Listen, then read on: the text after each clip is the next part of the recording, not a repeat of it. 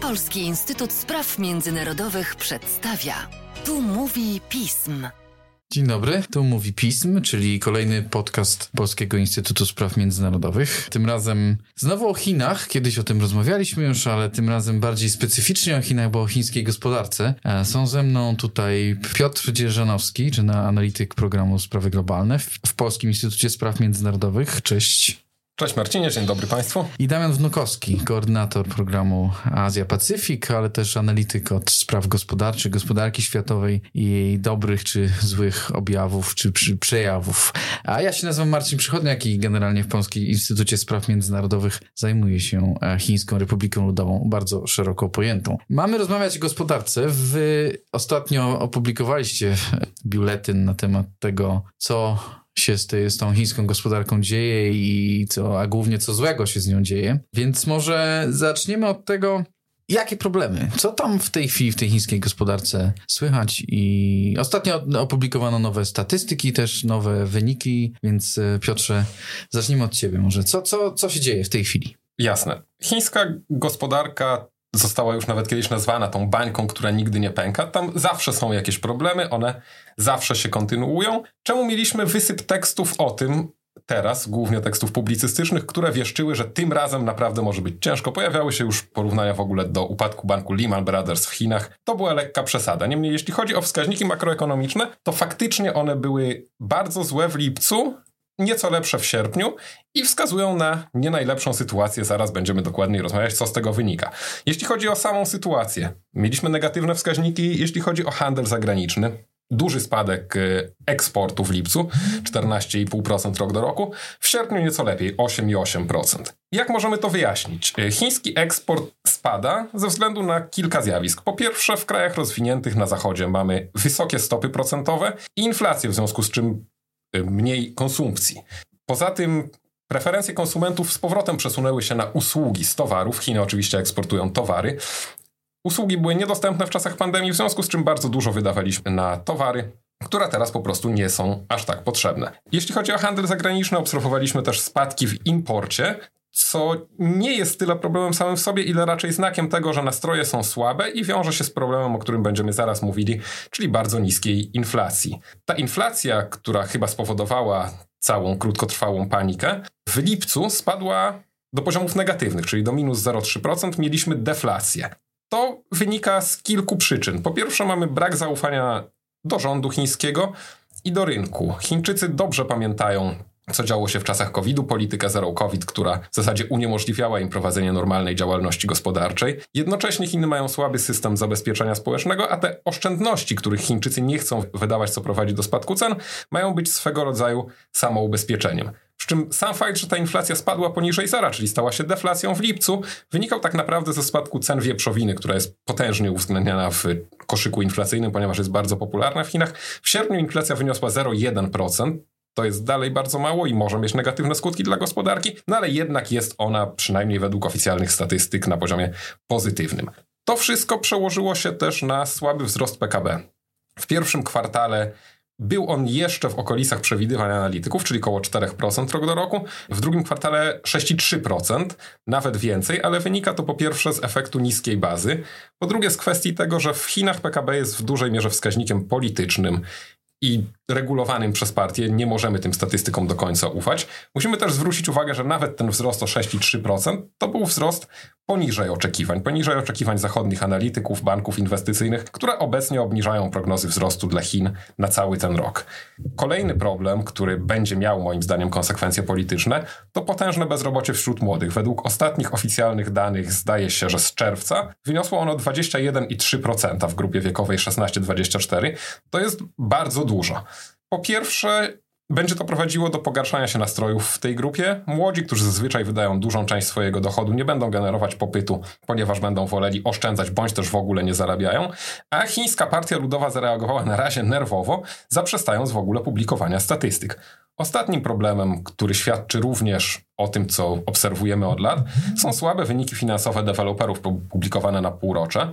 I spośród 38 kontrolowanych przez państwo deweloperów notowanych na giełdach, to są dane, do których mamy dostęp, 18 opublikowało wstępne raporty wskazujące na straty w pierwszym półroczu, podczas gdy w całym 2022 roku było to tylko 11 i zaledwie 4 w 2021. Chiński kryzys na rynku nieruchomości rozwija się od lat i słyszymy o nim wielokrotnie. Będziemy jeszcze o nim słyszeć. To nie są dobre wiadomości, na pewno nie dla e, Chińczyków, na pewno nie dla Komunistycznej Partii Chin, ale także pewnie nie dla gospodarki światowej. Więc e, czy władze chińskie coś z tym próbują robić I, i co konkretnie? Bo o ile wiem, mają dość związane ręce, Damianie. Dzień dobry. Tak, skala wsparcia rządu chińskiego dla gospodarki jest stosunkowo ograniczona i to wynika głównie z no, narastającego już od wielu lat zadłużenia, szczególnie na poziomie prowincji, i władze nie chcą zwiększać tego zadłużenia, tak samo jak deficytu finansów publicznych, żeby zachować stabilność budżetową i stabilność też fiskalną w prowincjach. Dlatego też jest ta pomoc raczej bardziej ukierunkowana, celowana, o dość ograniczonym zakresie, ale jednak widać po tych danych też sierpniowych, że trochę jednak te działania wpływają na, na nastroje w gospodarce i na lekkie pobudzenie. Największe E, siły, powiedzmy, rządu, czy aktywność władz została skierowana na sektor nieruchomości, o którym wspominał Piotrek, bo to jest kluczowy element e, całej tej układanki. Sam sektor odpowiadający za jedną czwartą, czy do, nawet do 30%, niektórzy twierdzą, całej gospodarki Chin, wpływa też na inne, inne gałęzie, na inne branże, no i także na finanse publiczne. I tutaj działania są ukierunkowane tak dwutorowo. Z jednej strony to są działania regulacyjne, chociażby poluzowanie regulacji dla osób, które będą kupowały swoje pierwsze mieszkanie. Już nawet y, niektóre miasta, jak Kanton chociażby, chcą takie preferencyjne stawki, preferencyjne kredyty udzielać tym osobom, aby one mogły na rynku zaistnieć. Nawet nie wpatrząc tak bardzo w ich historię kredytową, co też jest dość ciekawe, ale to świadczy o tym, jak daleko może być posunięta taka, e, taka stymulacja rynku nieruchomości. Do tego dochodzą, e, dochodzi obniżenie rat kredytów. Pięć największych banków chińskich obniżyło raty kredytów na początku września, żeby ulżyć też tym, którzy te kredyty spłacają i zachęcić nowych do, do ich nabywania. Także bank centralny, tu jest ta druga odnoga, czyli polityka monetarna, obniżył, obniża chociaż bardzo wolno swoje stopy procentowe, gdzie też no, ma to pobudzić większą akcję kredytową. Więc widać, że jest największe ukierunkowanie na rynek nieruchomości, ale nie tylko. Tutaj bardzo ważną rolę odgrywa konsumpcja, zresztą w zapowiedziach Xi Jinpinga od początku jego, jego rządów. Konsumpcja i nowe technologie miały być tymi dwoma motorami napędowymi chińskiej gospodarki w zamian za eksport i inwestycje, które przez ostatnie 30-40 lat napędzały Chiny. No i widać, że jest z tym problem. Znaczy widać, że już, już nawet nie teraz, tylko od kilku lat, to się jeszcze pogłębiło w okresie pandemii, teraz są nawarstwiające się tego efekty, że ta konsumpcja jest stosunkowo ograniczona ograniczona i oszczędności gospodarstw domowych, które wynoszą mniej więcej 40% PKB, czyli bardzo wysoko, znacznie więcej niż w Unii Europejskiej czy w Stanach Zjednoczonych, cały czas e, wolą ludzie oszczędzać niż wydawać. Czyli myślę, że tutaj efekt pandemii był bardzo znaczący, czyli lockdowny, zamknięcia biznesów, trudna sytuacja materialna w tym czasie Chińczyków, także ograniczona, ograniczone wsparcie socjalne, czyli ta siatka zabezpieczenia społecznego też jest stosunkowo słabo rozwinięta, jest też no, pod bardzo dużą presją tak dużej liczby i osób i, i, i tym, którym trzeba, trzeba pomóc. Więc ta konsumpcja też e, jest e, ograniczona, chociaż w sierpniu widzieliśmy e, jej lekkie odbicie, lepsze od przewidywań. Tutaj też działania są podejmowane, czy to poprzez ulgi podatkowe, czy poprzez rozbudowę takiego całej infrastruktury dla, dla samochodów elektrycznych, żeby pobudzić też zakupy tych, tych produktów. E, także ograniczane są, e, co, co dość istotne, rezerwy walutowe, czy takie powiedzmy obowiązkowe rezerwy walut składowane w bankach, po to, żeby wzmocnić juana, który tutaj warto zaznaczyć jest bardzo słaby, słabnie mocno od początku tego roku i 15 lat mniej więcej jest najsłabszy w stosunku do dolara, a to wpływa też na siłę nabywczą Chińczyków. E, I także są, są e, ulgi podatkowe dla przedsiębiorców, e, żeby, żeby też oni mogli chętniej zatrudniać, bo tutaj Piotr wspominał o tym zatrudnieniu wśród młodych, które już teraz nie wiemy dokładnie jakie jest, bo dane nie są publikowane. Co prawda trochę ostatnio całe bezrobocie lekko według oficjalnych danych spadło, ale prawdopodobnie cały ten, to co się dzieje w gospodarce nie zachęca firmy do inwestowania i do zatrudniania. Więc też ulgi podatkowe dla przedsiębiorców mają ich skłonić i do zwiększenia swojej konsumpcji, ale też do zatrudniania nowych osób. Więc te działania są podejmowane przez władze Chin, ale w dość ograniczonym stopniu. Właśnie, bo przecież to, co władze chińskie robią w tej chwili, to jednak jest pewien element działania bieżącego, takiego próby zapobieżenia temu, co dzieje się tu i teraz, tych problemom, który, których wspominał Piotr, ale tam są przecież rzeczy dużo głębsze i dużo trudniejsze do, do zmiany. Czy jeśli niemożliwe, to ja pewnie też powiem troszkę o kwestiach politycznych za chwilę, bo to chyba jest podstawowy problem, jeśli mówimy w ogóle o możliwości jakiejś zmiany w chińskiej gospodarce. Nawet jeśli przyjmiemy, że to nie jest jej kryzys, tylko jakiś wejście w niskie okresy wzrostu. Ale to ty o polityce za chwilę. Jakie są te problemy strukturalne? Te, które nie, nie są, nie wynikają może bezpośrednio z, z trudności odbicia po okresie pandemii, tylko które tkwią w tej gospodarce chińskiej, no już od dobrych kilku, jeśli nie kilkunastu lat. No to jest przede wszystkim zadłużenie, o którym wspominałem wcześniej. E, dlatego też te działania stymulacyjne są tak ograniczone w porównaniu z tym chociażby, co było w czasie kryzysu finansowego w latach 2007, 8, 9, kiedy rzeczywiście bardzo duże pakiety stymulacyjne Chiny pompowały w gospodarkę. E, także w czasie pandemii one no, były mniejsze niż w czasie kryzysu finansowego, ale jednak e, znacznie większe niż teraz. Czyli to zadłużenie, które według różnych szacunków, ale przekracza łączne, także gospodarstw domowych, prowincji około około no, przekracza 300% PKB już teraz. To jest ogromne obciążenie dla finansów publicznych, także dla możliwości działania państwa. I oczywiście są te problemy społeczno-gospodarcze, które narastają. No, tym kluczowym jest y, demografia, czyli to, że coraz więcej osób w Chinach jest y, w wieku postprodukcyjnym, około powiedzmy 20% mniej więcej, czy nawet więcej już teraz y, może być powyżej, może mieć powyżej 60 lat. Jest coraz mniejsza, bardzo niska y, skala urodzin, przez co też no, wiem, z czasem coraz mniej ludzi będzie wchodziło na rynek pracy. Łącząc to z ograniczeniami społecznymi, czyli z taką możliwością y, przenoszenia się ze wsi do miast, system huką, z ograniczoną imigracją do, do Chin, to też jest spowodowane kwestiami kulturowymi zapewne i, i w ogóle no, teraz też stanem, stanem gospodarki, to może w najbliższym czasie, czy no, w najbliższych kilkunastu latach być bardzo dużym obciążeniem dla finansów publicznych, także dla obywateli młodszych, dla klasy średniej, która w dużej mierze też utrzymuje e, starsze osoby, swoich rodziców, dziadków, więc to też będzie wpływało na ich skłonność do konsumpcji, do inwestycji, także na zakup mieszkania. Więc te elementy będą, będą się pogłębiały.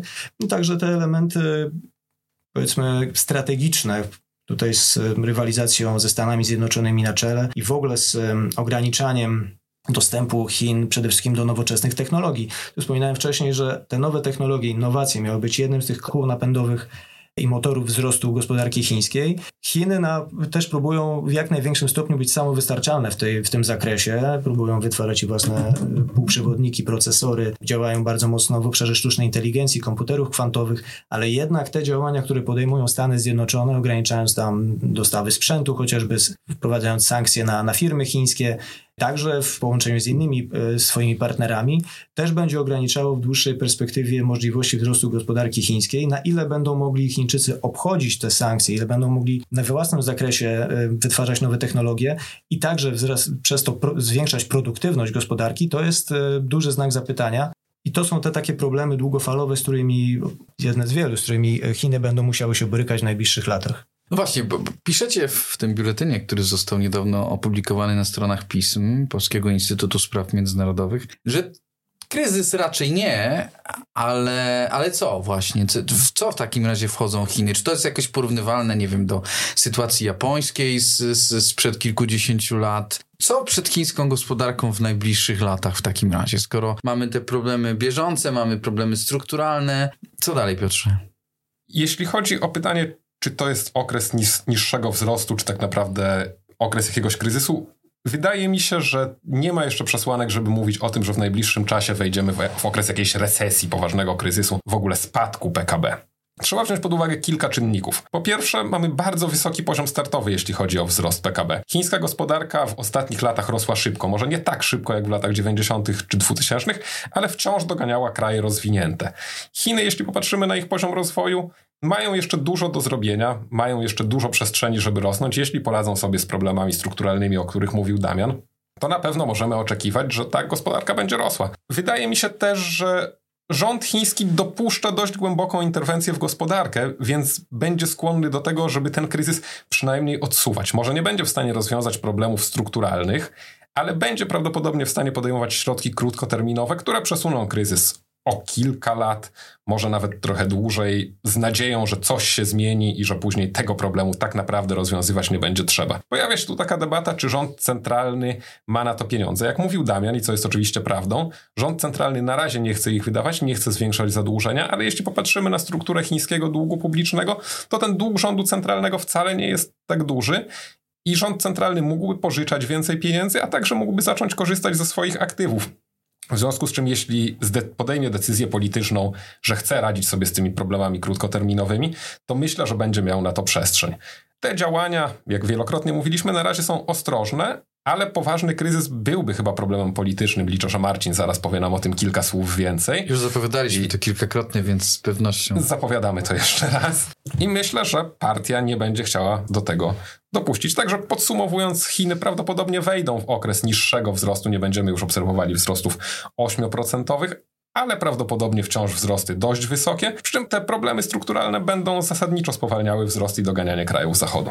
Tak, no myślę, że wzrost to jest, będzie taki jak e, troszkę e, kolokwialnie rzecz ujmując, jak przewodniczący Xi Jinping powie, to taki będzie. Przynajmniej jest e, na papierze. E, realnie no to już jest inna sprawa, bo tak jak sam powiedziałeś wcześniej, no wzrost PKB w Chinach, wskaźnik ten, że to jest czysto polityczna kwestia. Ale myślę, że jakby i właśnie przechodząc już do tej polityki trochę, myślę, że masz rację w tym sensie, że władze chińskie są świadome tych problemów, ale są też świadome tego, że nie mają prostej recepty na ich rozwiązanie rozwiązanie, zwłaszcza tych kwestii strukturalnych. To, o czym wspomniałeś, tak, to przedłużanie pewnej sytuacji albo krótkotrwałe, krótkoterminowe jakby działania, które mogą e, zmniejszyć skutki negatywne tej sytuacji, oczywiście, ale na dłuższą metę e, zarówno jakaś deregulacja gospodarki, czyli jednak większe urynkowienie, e, bo to pamiętajmy, w żadnym stopniu nie jest gospodarka wolnorynkowa w tej chwili, a, a od kilku lat dużo bardziej, znaczy dużo więcej ma ograniczeń i działalności sektora technologicznego na przykład. Dużo większa jest rola partii w tym sektorze niż była wcześniej, e, co też trochę jakby rokuje w, na przyszłość, jeśli chodzi o taki model chińskiego działania, który się na przykład sprawdził w elektromobilności tak? Elementem tego, że w tej chwili Chińczycy są liderem w tej dziedzinie na świecie, było to, iż ten sektor biznesowy doprowadził do takiej sytuacji wspierany przez partię. W tej chwili to raczej partia wyznacza pewne kierunki i nie zawsze dobrze i raczej niekoniecznie też takie, które mogłyby Chińczykom przyszłościowo pomóc.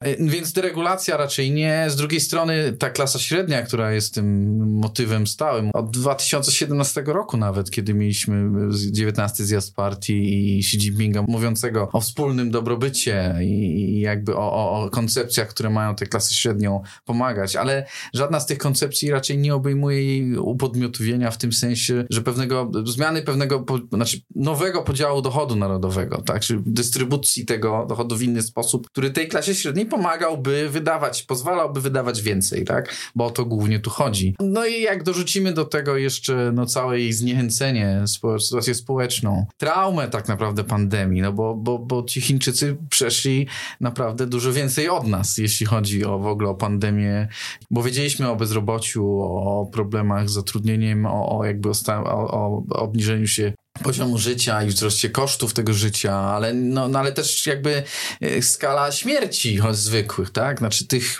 tragedii ludzkich, które oni przeszli i całej tej polityki zero COVID. To też ma znaczenie w tym sensie, że oni nie do końca odpowiadają na to, co partia pozytywnie, na to, co partia im proponuje. A partia im proponuje zaciśnięcie zębów i jakby przejście z tego, z tej propagandy, którą przez ostatnie kilka, kilkanaście, kilkadziesiąt nawet lat serwowała ich, im też, tym powiedzmy 20 20-30-latkom obecnie, ale, ta, ale głównie ich rodzicom i nawet dziadkom, że w zamian za pewną y, brak pewnej swobody politycznej, tego może nie mówiono wprost, ale to druga część się pojawiała, no oferuje im szansę dobrego życia, tak, dobrobytu. Każdy ma szansę, a zwłaszcza tym, którzy chcą się kształcić, tak, bo to jest ten chiński model ciężkiej naprawdę edukacji pamięciowej, wieloletniej, kosztownej też, ale w zamian za to po przekroczeniu pewnego etapu ma się, miało się szansę tego dobrobytu. W tej chwili partia mówi co innego. W tej chwili Xi Jinping mówi do nich wprost, że oni muszą ciężko pracować, bo wyzwania są takie, a nie inne, bo właśnie, tego już nie mówi, ale jakby to rozumiemy,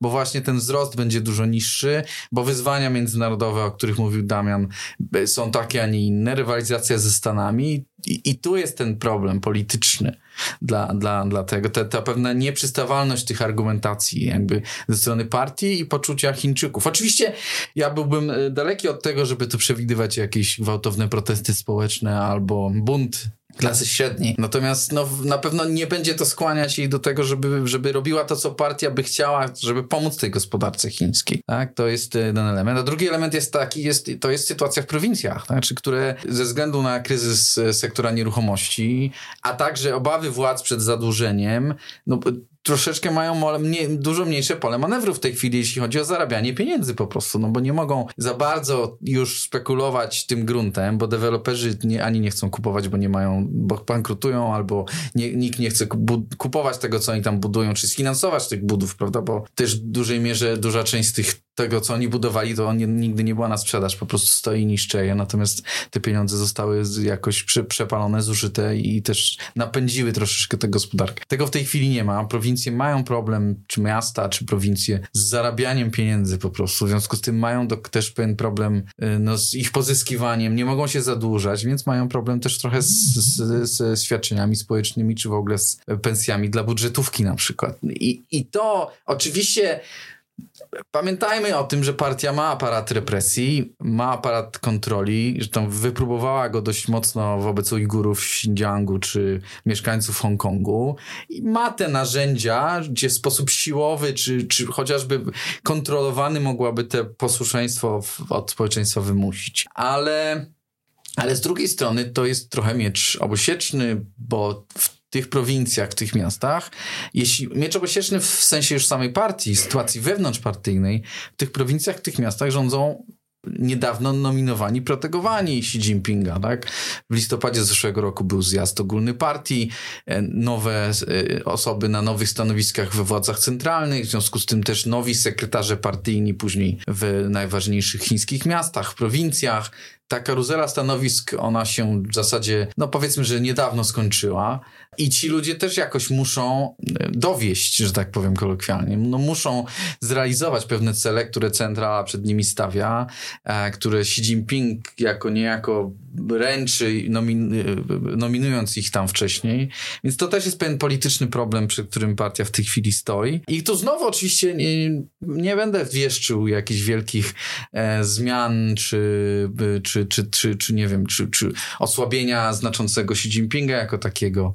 Ale to są pewne trendy, które, procesy, które w partii się odbywają w tej chwili i, i w partii, i w relacjach między społeczeństwem a aparatem partyjnym, więc to, to trzeba brać pod uwagę. Tu pewnie nie będzie do jakiejś radykalnej zmiany, tak jak powiedziałeś, nie będzie upadku gospodarki chińskiej, prawda? Chociaż wielu ją wieszczyło, ale, ale do tego pewnie nie dojdzie. Natomiast ten proces etapu niskiego wzrostu i w związku z tym konsekwencji polityczno-społecznych będziemy pewnie obserwować przez najbliższe lata w Chinach.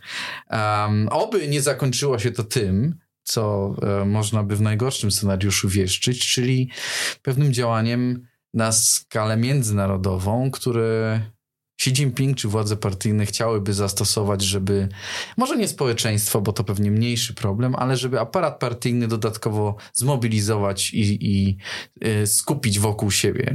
Działaniem oczywiście mam tu na myśli działania zbrojne, na przykład wobec Tajwanu. Ale to oczywiście jest scenariusz najgorszy z naszego punktu widzenia, z punktu widzenia Tajwanu oczywiście i z punktu widzenia gospodarki światowej również, do którego którego nie można wykluczać całkowicie, natomiast pewnie trzeba go traktować z, z wieloma obostrzeniami.